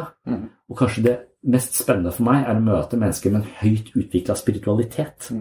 Eh, og, og, og fordi jeg tror at eh, jeg er søker dem, at jeg ikke finner det. Jeg har ikke funnet det helt i kristendommen. Det, det er jeg har kanskje noen mystikere som jeg, eh, som jeg på en måte har prøvd å forstå, men det jeg ikke klarer å forstå. og Det liker jeg litt på en måte. Men ja, så det, det er også en utviklingslinje som er viktig. Men som Som kan kanskje ikke i psykoterapi. Hvis man er heldig. Ja, kanskje, men, men akkurat som at jeg, jeg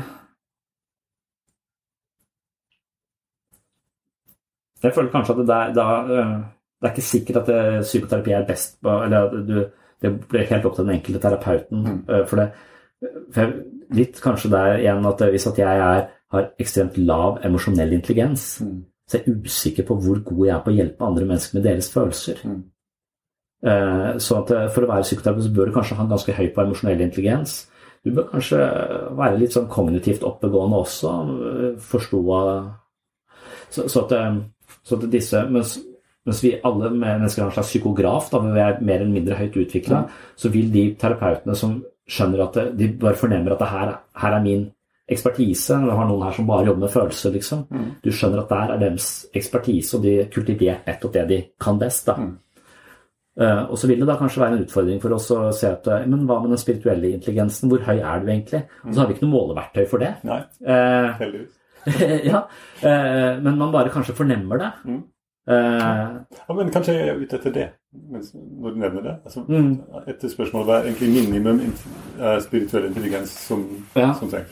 Ja, og jeg lurer på om vi bor i en tid og en sånn, sånn mas, øh, en slags kolonisering av livsverden som utrangerer og som latterliggjør den spirituelle intelligensen litt. Og, og, og sier at den er uh, luftig og, og lite etterrettelig og litt sånn kvakksalversk. Mens for meg så trenger ikke ting å eksistere i den fysiske verden for at det skal være viktig. Ja. Det er fortsatt viktig, uh, selv om det ikke nødvendigvis kan måles. Eh, Men når det ikke kan måles, så er det også litt lite etterrettelig. Det er jeg enig i. Så også hvordan vi skal liksom eh, Men kanskje med en åpen holdning er det beste vi kan gjøre for å, for å fòre den, den, den spirituelle linja i oss selv. Prøve å ta inn hvordan andre mennesker tenker om det og føler om det. Om det er at de ser naturen på en spesiell måte. Altså, jeg, jeg ser på Lars Monsen hele tiden. Jeg er ikke noe sånn friluftsliv, men at den måten han elsker naturen på, gir meg et eller annet, liksom. Jeg føler det, det er litt i den spirituelle gata. Jeg vet ikke hvorfor hele tiden skal se gang på gang at han skal gå over eh, Canada på tvers, eller hva. Så, så det, er, det er noe i det som, eh, som får eh, Ja, som jeg føler er litt den samme leia. Eh, ja. Så er det som om Lars Monsen åpner det for, for meg, som om han har en veldig høy naturfascinasjon, spirituell naturintelligens, som, eh, som det går an å ta til seg. Noen har en veldig høy estetisk intelligens, eller mm. vinsmaker. ikke sant? De kan si så masse om vin som ikke og Bare det å høre på de og se på de og eventuelt prøve, så, så kan du liksom gå litt og kanskje gjøre det i din egen vinsmakningsintelligens så mye høyere. Og det samme med, med, med spiritualitet. Hvis du da møter spirituelle miljøer som du virkelig bare syns at Hvis jeg hadde gått inn og trekker du bare rett ned så Når jeg ser Jan Kåre Hanvold, så blir jeg jo helt eh, Sint. jeg blir sint. Jeg, jeg blir eh, Visjon Norge og de tingene der, det, det syns jeg virkelig eh, skader og spotter det som kunne vært noe mye flottere. Og hadde jeg vært veldig sånn opptatt av at jeg selv var kristen, f.eks., så hadde jeg vært veldig opptatt av å skape avstand til det. Veldig tydelig, tror jeg. Uh. Ja, mm. tusen takk. Ja. Altså, du ga meg masse materiale uh, som jeg kan Ja. Ja. Absolutt. Veldig interessant. Mm. Um, og jeg er svært imponert over og Litt misunnelig over ditt språk, det må jeg si. Ja, Eh, ja. Du finner så gode ord. Det det er virkelig Men- eh, synes det. Men har du vært borti Ken Wilberg, filosofen? Ja. ja, du har det? Ja. Altså spiral... Ja. um, Spirituell eh, spiraldynamikk. spiral- Spiraldynamikk, ja. ja. Det er Rebecca Cohen som har den spiraldynamikken, men som han liksom adopterer. Ja. Men han har, han har en lydbok som heter One, Two, Three of God. Mm. Og, og den Jeg husker ikke. Og en bok om denne. Det, så, mm. så det er litt sånn inspirert av han innimellom, så men jeg er litt sånn usikker på han. han Ja. Men- jeg, jeg har lest en, eh, en bok av en tysk eh, teolog som tar Ken Wilbert som inspirasjon. Oh, ja, Og ser, du sitter ved siden av hans samlede verker. Å ja, ok. ja. Wow, ja. ja. ja, så man, ja, tar han til inspirasjon Ja. ja, og, og utvikler en slags eh, spirituell utviklingsteologi. ja. Altså i hvilken retning utvikler seg kristendommen? Mm. eh, Og det er egentlig eh, det han kommer til at det må være mye mer åpent, mystisk, ja. eh, individuell Nei, ikke det, men uh, altså, sånn sånn Ja. uh, sammensmeltende mellom forskjellige Ja. visdomstradisjoner, som de sier. Mm. For jo høyere opp, jo mer abstrakt det blir, jo mindre voldelig blir det i hvert fall. Ja. Uh, jo mindre sånn kan det Så, så han har en sånn slags grid hvor han sier at en, Han snakker om en conveyor belt. Det er en sånn fascinerende tanke. Altså, at han mente det finnes mennesker som har så høy spirituell intelligens, og de bør være de religiøse lederne. Mm. Hvis de er de religiøse lederne, så kan de, i og med at de da på et veldig høyt nivå kan kjenne igjen alle nivåene i seg selv. Den veksten de har vært gjennom, akkurat som et barn er egosentrert, og så kan jeg ta flere perspektiver. Sånn, vi har det i oss, vi har vært der, og det bor i oss fremdeles. Vi kan bli veldig egoet, men vi kan også være, ha et høyere potensial. Hvis du har de, så kan de liksom kommunisere på alle nivåer. Og hvis de kan det, så kan de løfte i, til det, et høyere gravitasjonspunkt av, av åndelighet, på en måte. Så det, det syns jeg er en fascinerende ja. tanke, og en spennende tanke.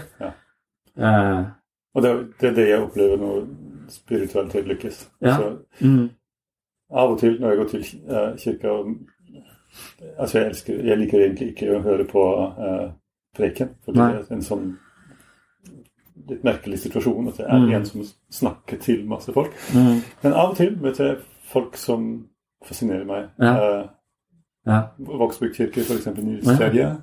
Ok. Hva heter han? Veldig fin måte å, um, å snakke på. Ja. Veldig ydmyk, Ja. men samtidig veldig tydelig i sin rolle. Altså, Ja. Det er noe som fascinerer meg. Mm, ja. ja. Og det er fint hvis det er folk, slike folk som, som leder og Ja, absolutt.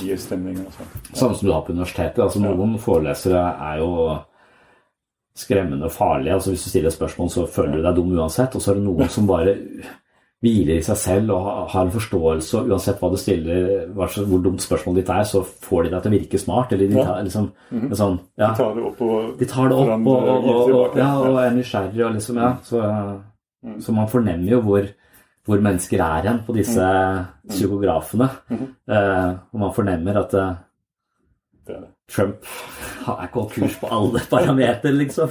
Eh, det skal ikke så mye til å. Høy testosteronkompetanse. ja, det er det. Han kan bombe folk. Eh, ja.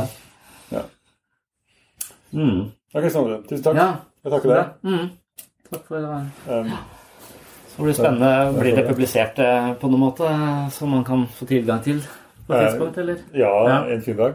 Ja, en fin dag. En fin dag. Altså, Ja. um, fristen er 2023. Ok.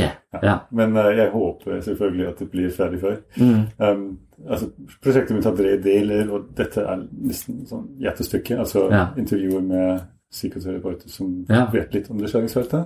ja. Um, men jeg har to sånne kvantitative deler. også. Har du snakket med Andreas Aamodt? Ja, Ja. i går. Ok. Ja. Ja, det var også veldig spennende. Ja. Jeg har prøvd å finne folk som, Ja. som er interesserte, Ja. og som har litt forskjellig bakgrunn. ja. Det, um, det er ikke så lett på Sørlandet å, å finne. Nei. Um, F.eks. muslimer. Ja. Jeg, jeg vet ikke om du kjenner til en uh, terapeut som er muslimsk? Nei. Nei.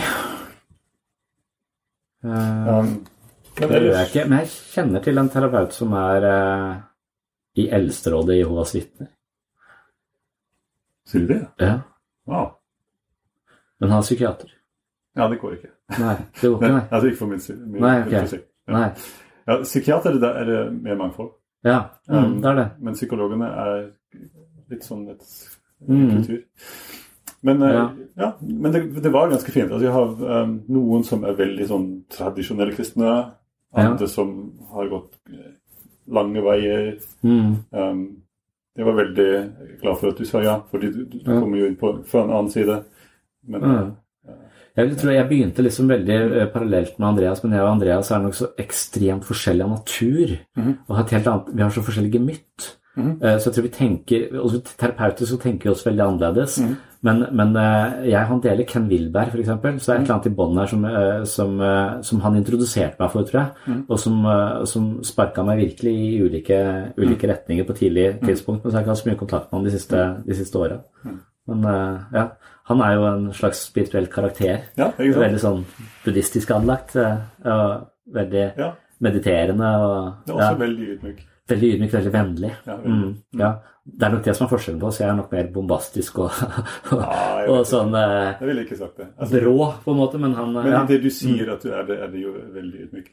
Igjen. Altså du Ja, men det er greit, og man kan på en måte se det ved seg selv, men det handler også om impulskontroll, da, å klare å kontrollere det. Okay. Det er litt sånn eh, som at selv om du er psykolog, så er du ikke nødvendigvis et eh, bra menneske. Akkurat som mm. selv om du er fysiker, så er du ikke utrolig god til å spille biljard bare fordi du kan regne ut vinklene, liksom. Det er, eh, det er et eller annet med, med, med det. Så du kan godt ha den innsikten du trenger, men de, det Ja, du trenger ikke å være Du må bare klare å omsette den eh, innsikten i praksis.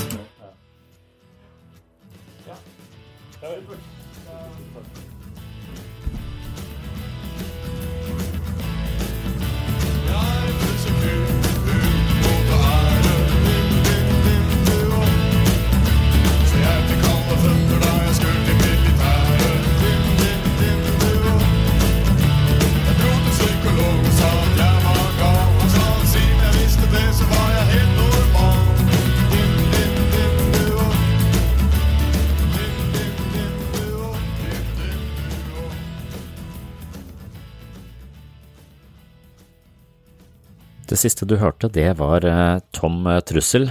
Det er eh, Michael Krohn sitt eh, soloprosjekt for eh, mange, mange, mange år siden, når jeg var eh, ungdom. Da kjøpte jeg plata, da var jeg veldig Raga Rockers-fan. Og når da Michael Krohn kom med en, eh, et soloalbum, så var det, sto det høyt på, på lista vår. Så hørte mye på Tom Trussel i mine yngre dager. Og dette her var da altså en eh, sang som heter Jeg er et usselt kryp uten mot og ære. Ellers, takk for at du hørte på Sinnsyn. Takk til Lars eh, Mandelkov fra Ansgar-skolen for en eh, hyggelig prat på kontoret, og lykke til eh, til han i denne ph.d.-skrivingen sin, eh, en slags kvalitativ analyse av eh, spirituelle aspekter ved psykoterapi. Ellers så nevner jeg som vanlig at eh, den boka jeg refererer til stadig vekk, Psykologens journal, det er min egen reise i livets store spørsmål. Hvis du er mer interessert i psykologi i praksis, formidla på den måten jeg pleier å formidle psykologi på, så håper jeg selvfølgelig at du går inn på webpsykologen.no og kjøper boka fra min hjemmeside, for da sitter jeg igjen med mest eh, fortjeneste på det. Og disse podkastene bruker jeg mye tid på, og det er ingen annen inntjening enn eh, i den grad folk kjøper eh, bøkene. Så takk til alle som har kjøpt bøkene, og takk til alle dere som har tenkt til å gjøre det, og tusen takk for alle de ratingene vi har fått i det siste på, på iTunes. Vi ligger veldig bra an der nå, det, og det er jeg glad for. Det var det. Følg med i neste episode. På gjenhør!